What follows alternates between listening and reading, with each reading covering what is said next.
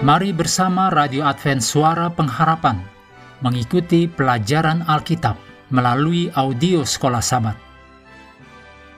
Selanjutnya kita masuk untuk pelajaran keempat periode 15 sampai 21 Oktober dengan judul Harapan Perjanjian Lama. Mari kita mulai dengan doa singkat yang didasarkan dari Yesaya 26 ayat 19.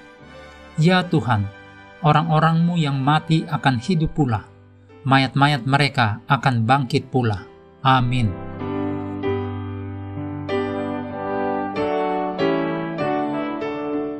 Untuk sahabat ini, Anda boleh membaca beberapa ayat untuk menolong pelajaran sepanjang pekan. Ayub 19 ayat 25 sampai 27. 1 Timotius 6 ayat 16. Mazmur 49.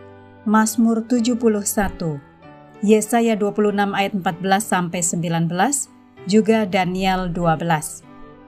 Ayat hafalan sepanjang pekan dari Ibrani 11 ayat 17 dan 19.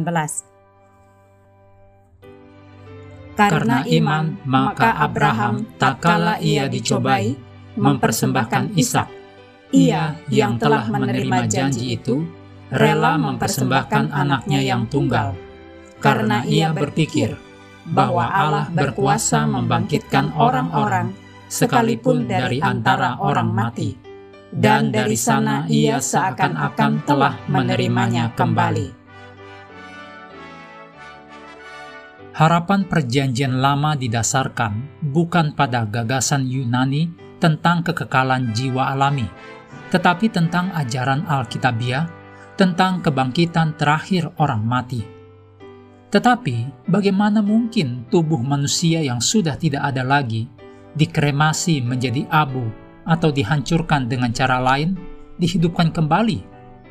Bagaimanakah seseorang yang telah meninggal, mungkin selama berabad-abad atau bahkan ribuan tahun, dapat memulihkan kembali identitasnya?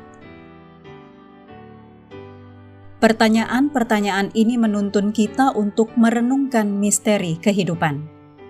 Kita hidup dan menikmati hidup yang diberikan Tuhan kepada kita setiap hari bahkan tanpa mulai memahami asal mula kehidupan yang supranatural, kita tahu bahwa pada mulanya Allah menciptakan kehidupan dari bukan kehidupan melalui kuasa firman-Nya.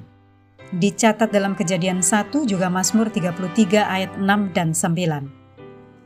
Jadi, jika Tuhan mampu menciptakan kehidupan di bumi pertama kali dari ketiadaan, yang dalam bahasa Latin adalah ex nihilo, mengapa kita harus meragukan kuasa dan kemampuan Tuhan untuk menciptakan kembali kehidupan manusia dan mengembalikan identitas aslinya? Pekan ini kita akan merenungkan bagaimana mengenai kebangkitan terakhir terungkap di zaman Perjanjian Lama dengan fokus khusus pada pernyataan Ayub, beberapa pemazmur, dan juga Nabi Yesaya dan Daniel. Mengakhiri pelajaran hari ini, kami terus mendorong Anda untuk mengambil waktu bersekutu dengan Tuhan setiap hari bersama dengan seluruh anggota keluarga, baik melalui renungan harian, pelajaran sekolah sahabat, juga bacaan Alkitab sedunia percayalah kepada nabi-nabinya, yang untuk hari ini melanjutkan dari 2 Samuel pasal 8. Tuhan memberkati kita semua.